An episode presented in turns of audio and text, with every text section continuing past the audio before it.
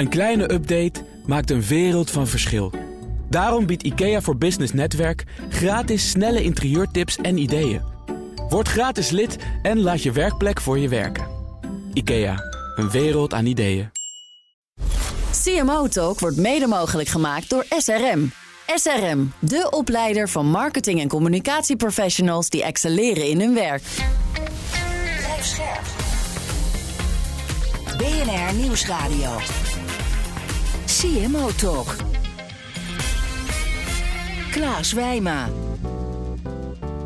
doel is uiteindelijk om het merk bekender te maken. En dat is denk ik ook wel echt de grootste uitdaging die wij hebben. Want je, je komt met een nieuw automerk in een zwaar verzadigde markt terecht. Met spelers die veel meer geld hebben. Dus ja, ga er maar, ga er maar aan staan om daar even als nieuw uh, klein puppy uh, tussendoor te lopen. Ga, ga, maar, ga maar proberen je merk te laden. Je hoort Valerie Gresnicht, Head of Marketing en PR bij Polestar Nederland. Hoi luisteraar, leuk dat je luistert naar CMO Talk, het programma waarin ik CMO's ondervraag over actuele marketingthema's. Met vandaag te gast Valerie Gresnicht van Polestar in Nederland. Nederland zet het elektrische automerk Polestar zichzelf op de kaart met PR en events. PR en brandbuilding. Uh, wat hebben die met elkaar te maken? Gaat dat werken? Ja, jazeker, zal uh, Valerie zeggen. En in deze podcastaflevering legt hij uit hoe je maximaal effect kunt halen uit de combinatie van marketing, content en PR. Valerie, van harte welkom bij CMO Talk. Dankjewel Klaas, dankjewel voor de uitnodiging. Even om te beginnen, voor de mensen die Polestar niet kennen, uh, omschrijf het eens in twee zinnen. Uh, Polestar is een Zweeds elektrisch automerk. Uh, wij zijn een dochter van Volvo uh, en het Chinese Ziangili Holding. we bestaan sinds 2015. Um, we zitten inmiddels in 25 landen en hebben, in Nederland zijn we gestart in 2019 met het bouwen van het merk. En hoe groot zijn jullie inmiddels? Als je kijkt naar de automotive, heb je, kan je iets vertellen over marktaandeel, aantal auto's die er rondrijden? Ja, ja we zijn uh, inmiddels, de organisatie, we zijn met iets meer dan 40 mensen nu, waar in 2019 er nog helemaal niets was. Ik was medewerker nummer 1. Mm -hmm. um, en we hebben inmiddels, uh, ik heb het gisteren nog even opgezocht, we hebben 7651 auto's op uh, de weg rijden op het moment, dus het gaat goed. Um, in Nederland of gewoon ja, in die 25 in Nederland. Nee, okay. in Nederland. Ja, nee, precies. Want ik wou zeggen, anders een beetje weinig. Ja, dus, ja nee, in, in, Nederland. En het gaat goed. We zijn uh, jaar op jaar uh, groeien we gestaag. Dus uh, het gaat hartstikke goed. Wat is gestaag? 10%, 20%? Uh, ik mag eigenlijk geen stilcijfers ja. geven. Dat is 30? de regel. Maar dit jaar hebben we best een forse groei doorgemaakt. Laat ik het zo zeggen. Ja, dus het gaat heel, het gaat heel goed. Hey, je, je kan heel veel over Polestar zeggen en schrijven en lezen. Want ja, jullie zijn ook best actief op het gebied van content marketing. jullie noemen jullie zelf een elektr elektrisch performance merk. Misschien een kleine knipoog naar, naar Tesla. Uiteraard is het allemaal reuze duurzaam. Maar ja, hoe maak je nou een keuze wat je in de punt zet van communicatie? Met andere woorden, wat is op dit moment jullie belangrijkste boodschap en waarom? Um, nou, Polestar staat voor drie brandpillars. Daar bouwen we het merk op. Dus uh, dat zijn design, innovation en sustainability. Uh, en daarbij is design eigenlijk de, de, de kern van het verhaal. Want je, dat is met alles verbonden. Want je, je, je kunt niet een, een auto produceren en aan het einde van de rit zeggen... nou, ik ga hem nu even anders designen om hem sustainable te maken. Zo werkt het natuurlijk niet. Nee. Um, en innovatie ligt eigenlijk ten grondslag aan, uh, aan het merk. Want wij komen bij Volvo vandaan, uit het racing team. Um, en zijn sinds, sinds 2015 een eigen merk. Dus het is niet Polestar bij Volvo of iets in die trant. Het is Polestar een, een eigen entiteit. Ja. Um, en innovatie komt uit de racerij. Dus het performance gedeelte, dat komt daar vandaan. Um, en dat gaat niet zozeer over snelle auto's. Dat gaat meer over uh, ja, drivability. Hoe, hoe, hoe, is die techni hoe, hoe zit die technisch in elkaar? Um, dus wat we doen is op basis van drie, die drie pijlers... Uh, eigenlijk constant de consument eigenlijk opvoeden. Ja, wat, wat, uh, waar staat Polestar voor? Ja, het is dus niet altijd dat je één centrale boodschap hebt over de as van duurzaamheid. Maar het is altijd afwisselen tussen die drie uh, ja, kernboodschappen. Ja, ja, nou hoe ik het altijd met mijn team bijvoorbeeld doe, um, is ik, ik kijk naar een activiteit. Wij, wij hanteren eigenlijk ook het standaard Hub Hero Hygiene verhaal. Dus we hebben grote campagnes, je hebt een always on laag. En daartussenin doe je activaties, bijvoorbeeld met het Stedelijk Museum of uh, nou, wat, wat dan ook. Um, en wat ik altijd met mijn team eigenlijk als regel altijd heb, is van de drie pijlers moet je twee aanraken minimaal. Want ja. die zijn met elkaar verbonden. Dus want je kunt niet iedere activiteit ontwikkelen waarbij je ze alle drie aanraakt. Dat, is gewoon, dat werkt niet zo. En het, als dat wel kan, wat dus bij het Stedelijk Museum is geweest, dan is dat een hele, dan is dat een mooie catch. Dus, ja. uh, dus dat is een beetje hoe, uh, hoe ik hem. Uh, ik, ga het zo, ik ga het zo hebben over het Stedelijk ja. Museum. Nog even, hoe bekend is inmiddels Polestar in Nederland? Um, wij zitten, je bedoelt brand awareness? Ja. ja we zitten op uh, 40% aided. Dus uh, dat is. Uh, noemen ze een elektrisch automerk en het begint met een P? Is ja, dat dan? Uh, ja, geholpen. Noemen ze, noemen ze een, een elektrisch automerk. Noem top 3 bij wijze van precies, spreken. Precies. En dan, dan komt Polestar erboven. Hey, en, en wat is op dit moment jouw belangrijkste doel voor het komend jaar? Het mooie is dat, dat mijn leidinggevende, de managing director, die, die zegt altijd: je moet gewoon zorgen dat die hokken worden verkocht. Dat is altijd uh, de, de, het uitgangspunt. Voor mij is het, het merk verder uitbouwen. Dus zorgen dat, dat we met het team, team gaat ook wat andere taken krijgen. maar het merk verder uitbouwen is het doel. Dus we. Uh, meer bekendheid uiteraard, meer consideration. Zorgen dat, uh, dat we de, de pijlers die we hebben, dat we die nog meer laden. Um, en ja, daar zitten een aantal basiscomponenten zitten daar natuurlijk aan vast. Dus meer testdrives, mensen meer in de auto krijgen. andere partnerships aansluiten om partnership te sluiten. Om, om toch ook een nieuwe doelgroep aan te Zie je dat ook? Dus als mensen echt die auto inkruipen, die testdrive doen, dat dan de, dat, dat echt een ja, ja, is. Dat, is dat blijft gewoon een autowet, ja, hè? Ja, ja, het is... Uh, wij, wij, dat is grappig, dat werd op het hoofdkantoor altijd in het begin asses on seats genoemd. Mm -hmm. Dus we wilden gewoon zoveel mogelijk mensen in de auto hebben. En eigenlijk valt het uit één en twee componenten. Dus het is, het is niet alleen maar dat iemand in de auto gaat zitten en echt achter het stuur hem gaat bedienen. Uh, maar ook mensen die in de auto gaan zitten, zullen ook een bepaalde associatie hebben op het moment dat ze naar het interieur kijken. Bijvoorbeeld. Ja. Dus de doelstelling is ook, om, dat is best een grote doelstelling, ja. om gewoon zoveel mogelijk mensen in de auto te krijgen. En hoe ga je dat doen? We hebben, um, daar, daar hebben we verschillende vormen in. We bieden natuurlijk gewoon testritten aan vanuit onze winkels, onze spaces, zoals dat bij ons heet. Mm -hmm. uh, we kunnen ook aan mensen uh, dat aan huizen aan gaan bieden. Dat is nu nog niet, uh, tenzij er een uitzondering is. Um, maar dat gaan we wel aanbieden. Um, en dat is, dat is heel erg vanuit onszelf. Dus dat is gewoon de service die we sowieso bieden. Dat kan vanuit vier steden: Amsterdam, Rotterdam, Den Haag en Eindhoven. en in Beest, want daar zitten wij met het kantoor. Dus daar hebben we ook een handover center en daar bieden we het ook aan. Dus dat, dat is de basis. En anderzijds hebben we uh, evenementen. Dus we doen pop-ups in, uh, in verschillende uh, steden, groot en klein. waar we gewoon staan met een aantal auto's om te, uit te leggen wat het is. En dat je dan een proefrit kunt maken. Nou, nu is aankomend jaar gaan we daar nog een grotere laag bovenop leggen. dat is echt met grote evenementen samenwerken. Om grote en kleinere.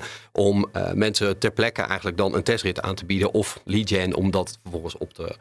Um, op te, of aan te bieden. Ja. En dat, um, ja, daar zijn we nu mee bezig om die partnerships op te gaan zetten.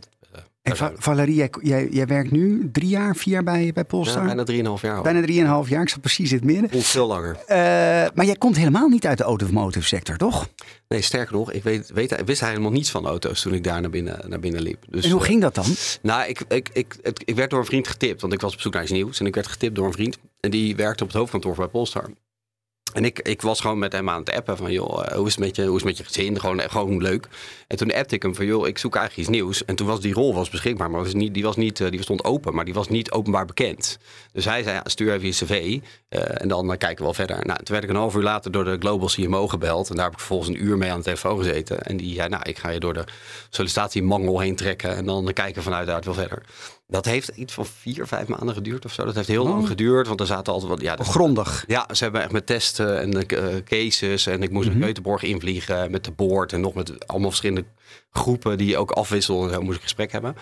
Uh, en toen liep ik aan het einde van alle gesprekken... liep ik in Göteborg, wilde ik naar buiten lopen. En toen vroeg die CMO aan mij van... joh, heb je nog vragen?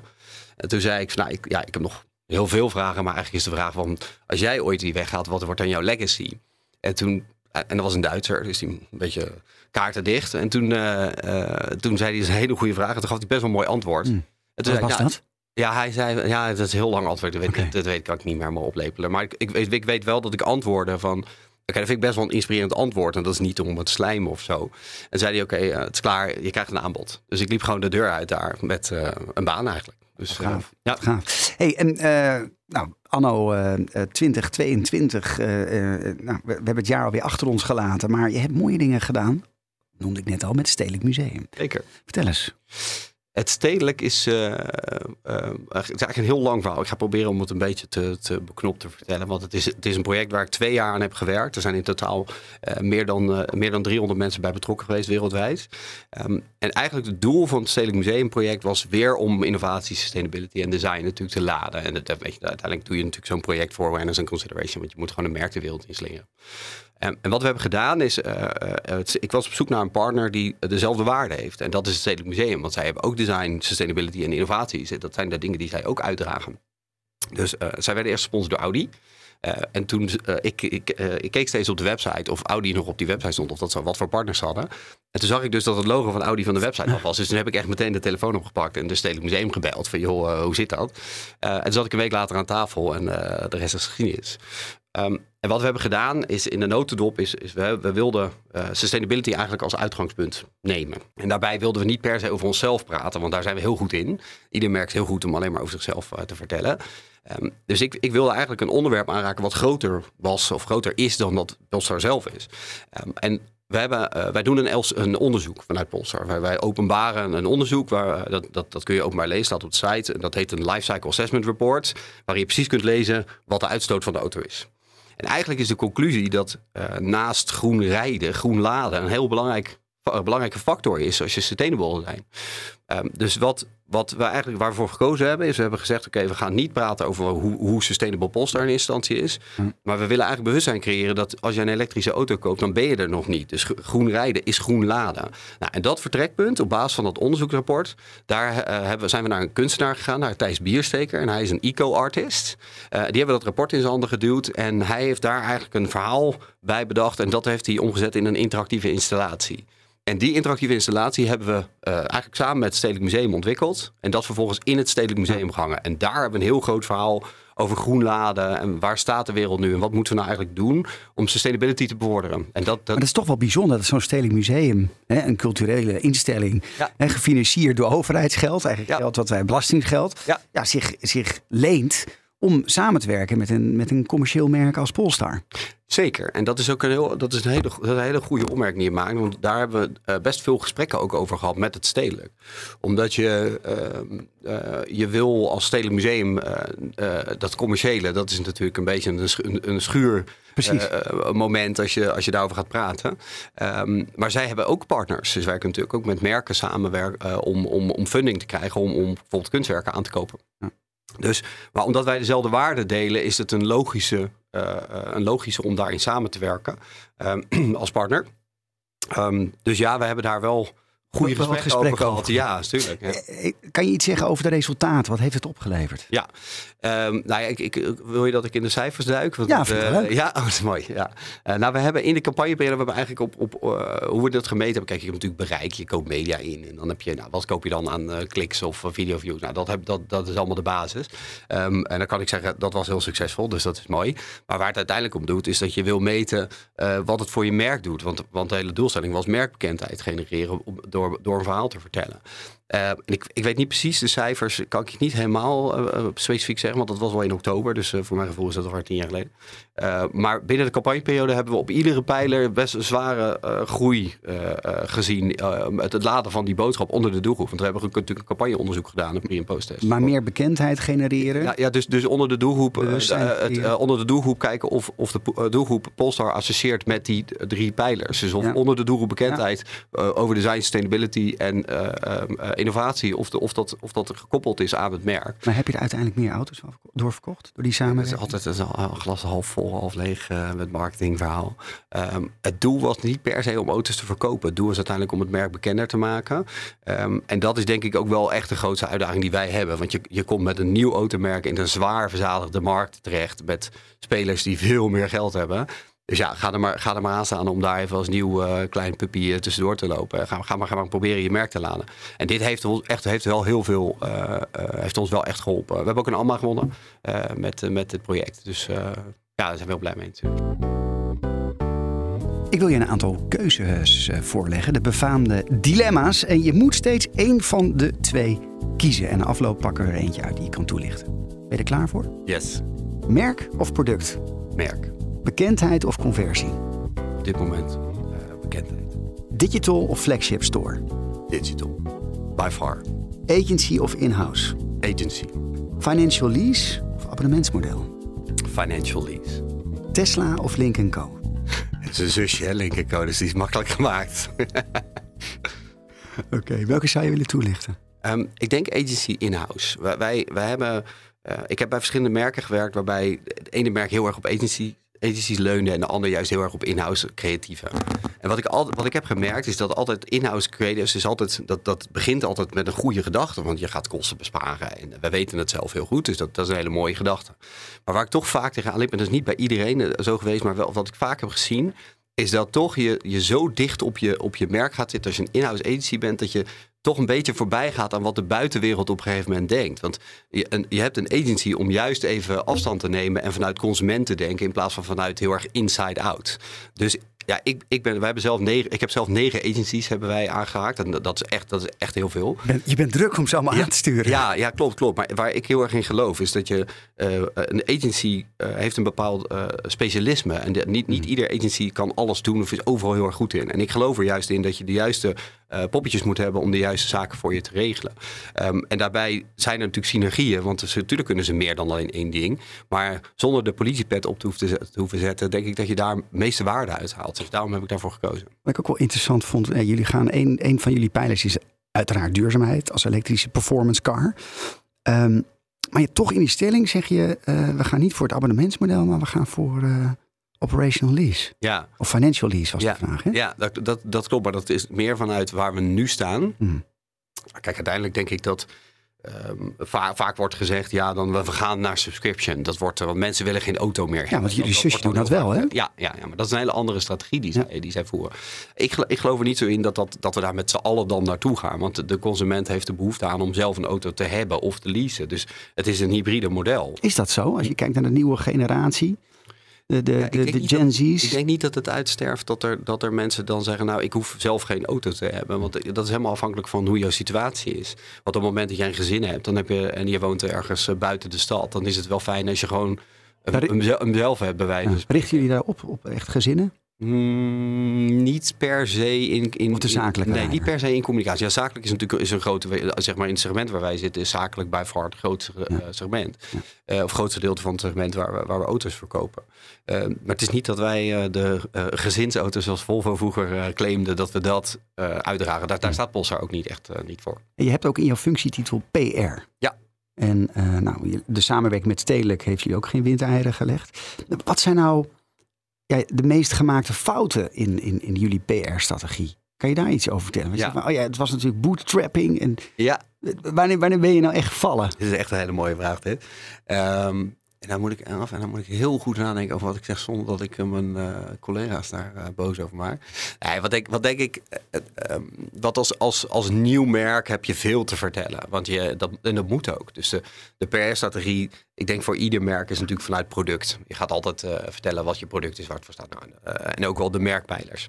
Maar waar denk ik bij Polestar soms een beetje voorbij gaan aan eh, wat de consument eigenlijk moet horen, is dat we heel veel PR naar buiten gooien. Dus we, we, we, zijn zo actief met PR. Wil niet zeggen dat we, dat we dat er bijna dat mensen doof eh, worden. Dus Dat, ze- Wat maar- doen jullie dan qua PR? nou, we hebben, het is enerzijds we komen natuurlijk met nieuwe producten, want we zijn een nieuw merk, dus we hebben nieuwe producten. Maar ook eh, samenwerking met, eh, met partners. Dus bijvoorbeeld een eh, Cakebike is een, is een design-driven eh, elektrische crossmotor. Eh Cakebike maakt meerdere producten, maar dat is een product wat ze hebben. Nou, die staat bijvoorbeeld bij ons in de winkel, omdat dat een mooie eye-catcher is. Maar zo zijn er best wel veel partners waarmee we heel veel communicatie naar buiten gooien. Die, die soms ook een beetje ruis op de lijn brengen. Op die omdat- drie pijlers. ja, omdat kijk, wij, wij- ik heb het tot doel om een automerk te lanceren. Dus soms, soms denk ik ook, oké, sommige partnerships hoef je niet per se heel veel nadruk op te leggen. Want dat leidt eigenlijk een beetje af van de, van de doelstelling die we hebben. Ehm, dus, maar dat is ook maar een beetje wel, het ligt ook maar wel partnership. Want er zijn een heleboel die echt heel goed zijn.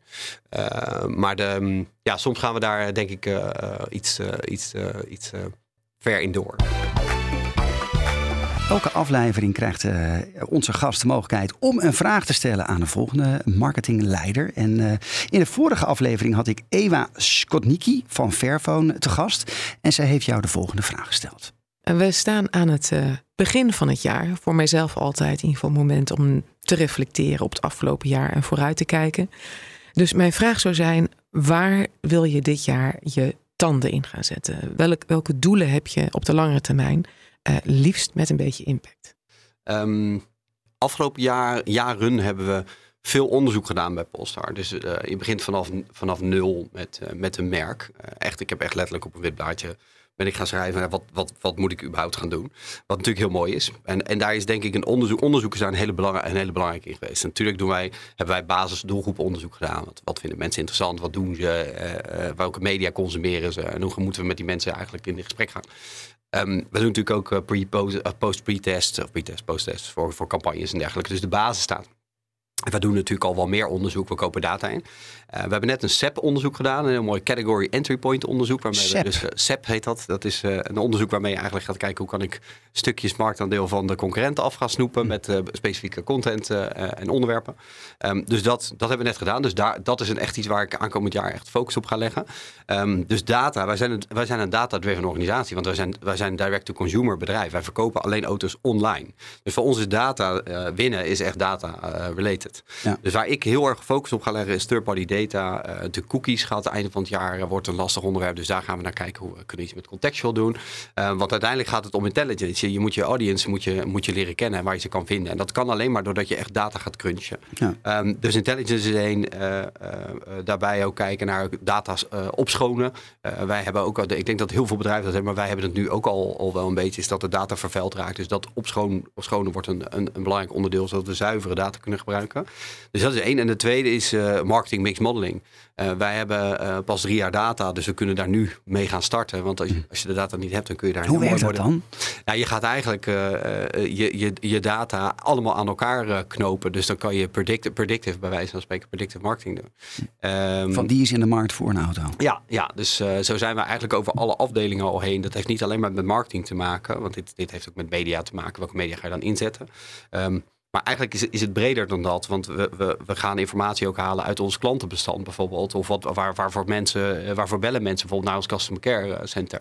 Eh, maar ook vanuit de markt, vanuit sales. Dus we komen nu op een punt dat we de data vanuit eigenlijk de, de verschillende afdelingen binnen het bedrijf allemaal bij elkaar kunnen brengen. En dan ook de externe da- data daar overheen kunnen leggen. Dus dit, dit is data gedreven, is dit het moment eigenlijk om het merk te gaan, verder te gaan ontwikkelen. Mooi. Dus dat is iets waar ik volgas op ga geven, want dat is heel interessant. Je, je triggert ook wel iets bij mij, want je zegt van nou, ik, we zijn ook bezig op eh, segmenten en data om te kijken van waar kunnen we vanuit concurrenten stukjes marktaandeel afsnoepen. En, en Ja. naar welke concurrenten kijk je dan? Ja, nou, je, eh, wij hebben een hele lijst. En natuurlijk zijn de usual suspects zijn, zijn, zijn de grote jongens. Dus Tesla is er één, eh, BMW, Audi, mag niet zeggen, Volvo. Ja. Ja, te- uiteraard. Klein beetje cannibalisatie. Ja, ja, ja, we zijn zusjes. Ja, Volvo heeft natuurlijk ook elektrisch. Ja, en, en, en, en zij, zijn, eh, zij, zitten, zij zitten wel in dezelfde dezelfde organisatie, maar uiteindelijk zijn we ook eh, interne concurrenten. Dus daar kijken wij natuurlijk ook wel naar. Hm. Maar ook bijvoorbeeld een Kia is een, is een, grote, een grote jongen. Skoda zijn grote jongens. Ehm, dus daar zijn we aan het kijken. Van wat, waar, waar hebben zij het nou eigenlijk over en hoe kunnen wij nou... Kan je een beetje meten, want dat zijn echt grote partijen die heel erg gevestigd zijn, Ja, die het succes al bewezen hebben. Eh, qua budgetten, daar kan je toch nooit tegenop? Nou, ik denk, kijk, we hebben niet een laag budget. Eh, eh, vanuit, als je kijkt naar hoeveel wij kunnen spenderen, dan hebben we, dan hebben we een goed budget. Hoeveel? Ja, dat zeg ik niet. Hm. ik, maar wat, waar het voornamelijk denk ik om gaat, is dat we slim zijn. Het is als je een nieuwe speler bent met niet zo'n groot budget als je concurrenten, dan is slim, slim zijn en dus data gedreven is de sleutel. En dan is zo'n CEP-onderzoek heel interessant, Hm. want dan weet je, oh, die concurrent praat over dat, die heeft daar een eh, groot aandeel in. Hoe kunnen wij daar op een slimme manier, zonder dat we eh, het merk zelf, van, eh, vanuit Polestar het merk vergeten, daar een stukje van die eh, markt afsnoepen met de juiste communicatie. Ja. Ik vind het ook mooi in jouw verhaal en de antwoorden, eh, ook net bij de dilemma's, was je vrij stellig over digital. En ehm, ja, Tesla is er volgens mij begonnen, hè, eh, 2014, om auto's gewoon via een webshop aan te, aan te bieden. En iedereen verklaarde Musk voor gek, Ja. maar jullie doen het nu ook. Ja. Is dat nou voor jullie, want jullie hebben ook jullie flagship stores, dat noemen jullie Spaces. spaces. Ja. Hoeveel procent wordt nou via zo'n space verkocht en hoeveel procent wordt nou gewoon puur online verkocht? Ja, nou, de- de- dat is een heel simpel antwoord. Wij verkopen online auto's. Dus, eh, eh, 100%. Dus 100%. Ja. dus je kan niet bij een space. nee, je, kunt, je kunt naar een winkel gaan. Ja. Natuurlijk, wij, wij, dat noemen wij hassle-free, eh, whenever, wherever, however. Dus we bieden eigenlijk alle eh, mogelijkheden om hassle-free een auto te kopen. Want ik zonder de concurrenten bashen. eh, eh, men kent allemaal de. de ja, ik loop mijn winkel in. nou, we, we kennen De bekende autoverkoper, Ja, ja. Wij, wij, wij hebben dat niet. Wij willen eigenlijk dat zo hassle-free mogelijk maken. Dus we helpen je in plaats van dat we echt een auto aan je verkopen. Want wij geloven er niet zozeer in dat we die auto even door je strot moeten duwen. Wij verkopen, ge- geloven erin dat wij dusdanig kwaliteit bieden. en Wat, dat mensen het product Ja. willen hebben. Maar mensen die Maar hebben dus, helpen wel daar. maar mensen hebben dus echt al thuis het onderzoek gedaan. Die weten precies, oké, nu ben ik klaar om te Ja. kopen. En dan vullen ze hem in. Maar ze hebben, zie je ook dat dat, dat, dat ja, winkelmandje voor een auto eh, regelmatig al wordt ingevuld? En hoe voordat mensen- winkelmandje? Nou ja, je hebt natuurlijk de. Door de configurator Hè? Ja, de Dat configura- wordt- precies, die Ja. bedoel ik. Dus Ja. mensen configureren. Hoeveel, hoe vaak wordt die al gebruikt voordat mensen echt gaan kopen? Ja, dat is lastig te zeggen. Want wij... Maar je meet alles toch? Ja, jawel. Alleen de, de- we hebben ook een groot deel van de mensen die überhaupt niet eens een proefrit bijvoorbeeld kon Mm. maken. Een heel groot deel die, die bestelt hem gewoon in één keer en dat zal wel. En dat is vooral lease. Dus mensen die krijgen dan gewoon een potje van hun, eh, van hun baas. En die zeggen, joh, ook, ik, oh, ik kan voor zoveel geld die pakketten. Oh, dan doe ik ook nog even de speakers bij en erop gaan. Ehm, dus het is, ja, we weten wel hoeveel checkouts eh, er zijn en hoeveel mensen dan ook een aantal keren configureren.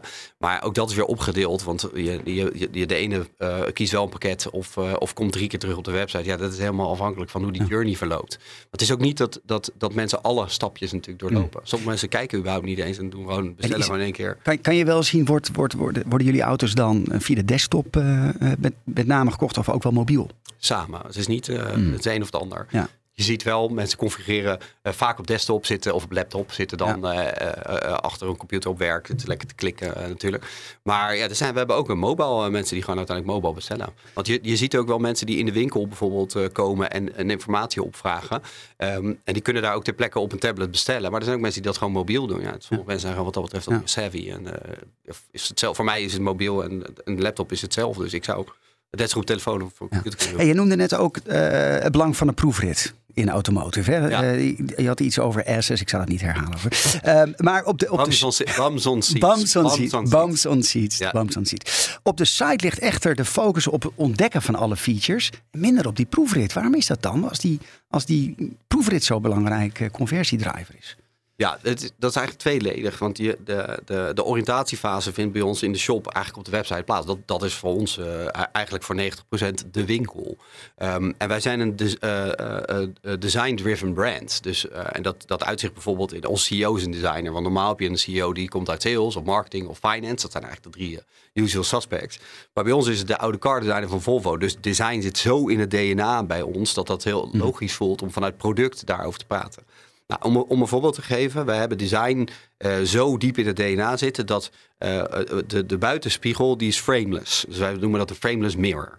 Dus de buitenranden van, van de spiegel die zijn er niet, hebben we er afgehaald. En dat zorgt natuurlijk voor een bepaald cachet. Dat, ziet, dat is een bepaald design feature, wat het ziet heel slick uit. Maar dat zorgt ook voor 6% minder drag. Dus je hebt 6% minder weerstand, waardoor je dus een hogere range Hmm. Maar nou krijgt. even weer terug naar de Ja, proefrit. ik, maak nu, de- ik maak nu de koppeling. Dus eh, wij zijn zo, op, eigenlijk zo obsessed met die, met die design features... dat we de oriëntatiefase proberen dat zoveel mogelijk aan mensen uit te leggen. Dat er heel veel liefde in, die, in dat productontwikkeling zit. En als je dan de oriëntatie online doet... en mensen komen eens op de site om vervolgens die oriëntatie te doen... kunnen wij mooi daarna retargeten met allemaal ads... en sturen we ze eh, naar de site om vervolgens een proefrit te boeken. Ah, daar zit hij, daar zit hij in. Eh, ik vroeg me af, afgelopen jaar was natuurlijk ook wel het jaar van eh, nou, ja, heel veel crisis. Inflatie, supply chain issues, chips issues. Is dat nu opgelost komend jaar of moeten we nog steeds een jaar wachten op een nieuwe Polestar? We hebben, nou, de, de, de, wij hebben eigenlijk mazzel gehad. We hebben, we hebben nagenoeg geen last gehad van chip, eh, chip shortage afgelopen jaar. Eh, omdat eh, ja, dat, dat, dat, wij, wij hadden het geluk dat we die supply wel hadden. We hebben wel wat vertraging. Dat, dat, bij ons begint nu ook wel de, de malaise wel een beetje voelbaar. Is wel een beetje voelbaar.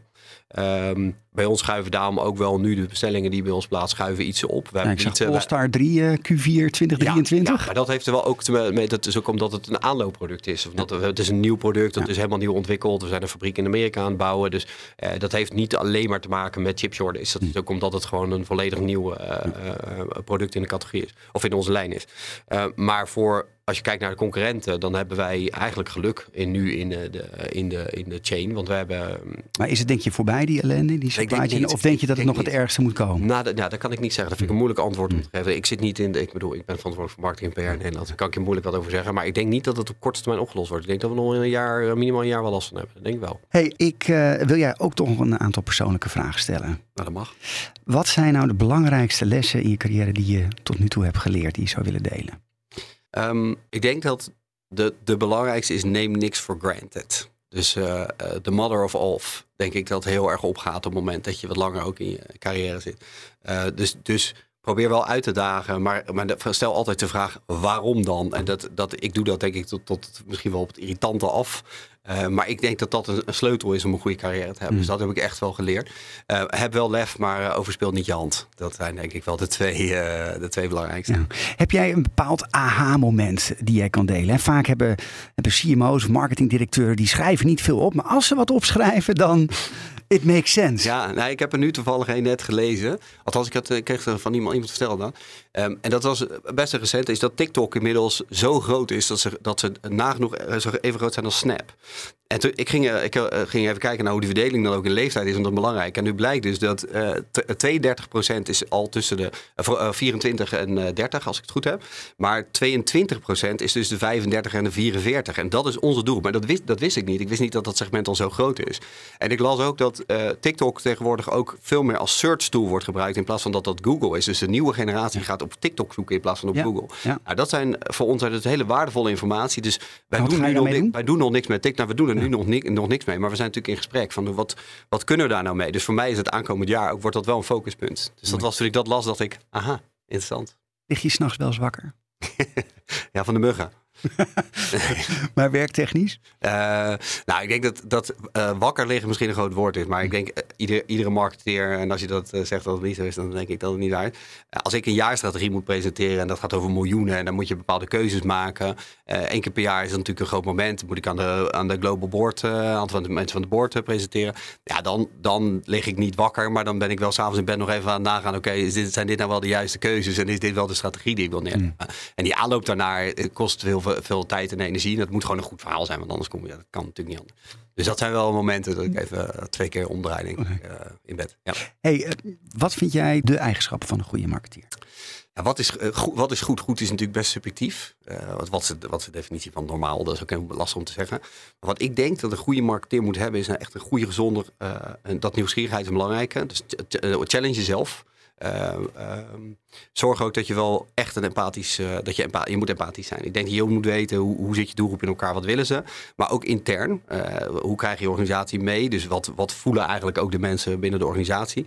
Maar ook je agencies, dus met welke partners werk je samen? En hoe kun je die drie nou op een juiste manier bij elkaar brengen? Ja. Ik denk als je dat goed kan, Hoe doe je dat? Dat- Hoe doe jij dat dan? ja, veel luisteren. Dus hij, natuurlijk wat ik net zei over onderzoek. Veel onderzoek doen, zodat je weet. Hm. Want we ook wel met mensen praten. Intern is ook praten, eigenlijk. En met agencies is ook praten. Ja, eigenlijk is het... voor- ben veel in gesprek. En luister ook naar wat ze te zeggen hebben. In plaats van alleen. Je noemde nieuwsgierig als belangrijke eigenschap. Hoe blijf jij nieuwsgierig? Google is my best friend. Eh, ik, denk, ik denk ook dat nieuwsgierigheid echt een, een- wel iets is wat in je zit. Dus je, ehm, eh, ik denk dat een, een, marketeer van nature al een nieuwsgierige aagje is. Want je, je, je, je wil weten hoe andere mensen in elkaar zitten. Want anders kun je dat ook niet vermarkten. Zo simpel is het. Ehm, maar ik, ik hou mezelf wel een beetje nieuwsgierig door ook... eh, op andere, op andere platforms eh, te zitten dan, eh, dan, dan dat. eh, de, dus adformatie is natuurlijk wel interessant, maar Adweek bijvoorbeeld of internationale platforms. Maar ook een Wired bijvoorbeeld is zo'n. Dat is niet per se een marketingblad, maar dat is wel. Dat geeft je gewoon een andere kijk op de wereld. En dat is denk ik belangrijk om jezelf ook uit te dagen en daar iets mee te doen. Ja, jij mag onze komende gast een vraag stellen. Dat is Yvonne Nassar, marketingdirecteur bij het Van Gogh Museum. Wat zou je haar willen vragen? De vraag die ik zou willen stellen is: wat is het laatste waar je spijt van hebt? En dat mag, dat kan werk zijn of het kan privé zijn. Ik ga het haar vragen, zeker. Ik wil jou danken voor jouw eh, bijdrage en komst naar eh, de BNR-studio. Valerie, en eh, ja, in de komende CMO-talk ga ik in gesprek met Yvonne Nassar. Zij is eh, hoofdmarketing bij het Van Gogh Museum. Hoop dat je dan weer luistert. Tot de volgende afdeling. En bedankt voor het luisteren. CMO Talk wordt mede mogelijk gemaakt door SRM. SRM, de opleider van marketing- en communicatieprofessionals die excelleren in hun werk. Het inrichten van je eigen zaak is best wel wat werk. Daarom biedt IKEA voor Business Netwerk 50% korting op interieuradvies. Word gratis lid en laat je werkplek voor je werken. IKEA, een wereld aan ideeën.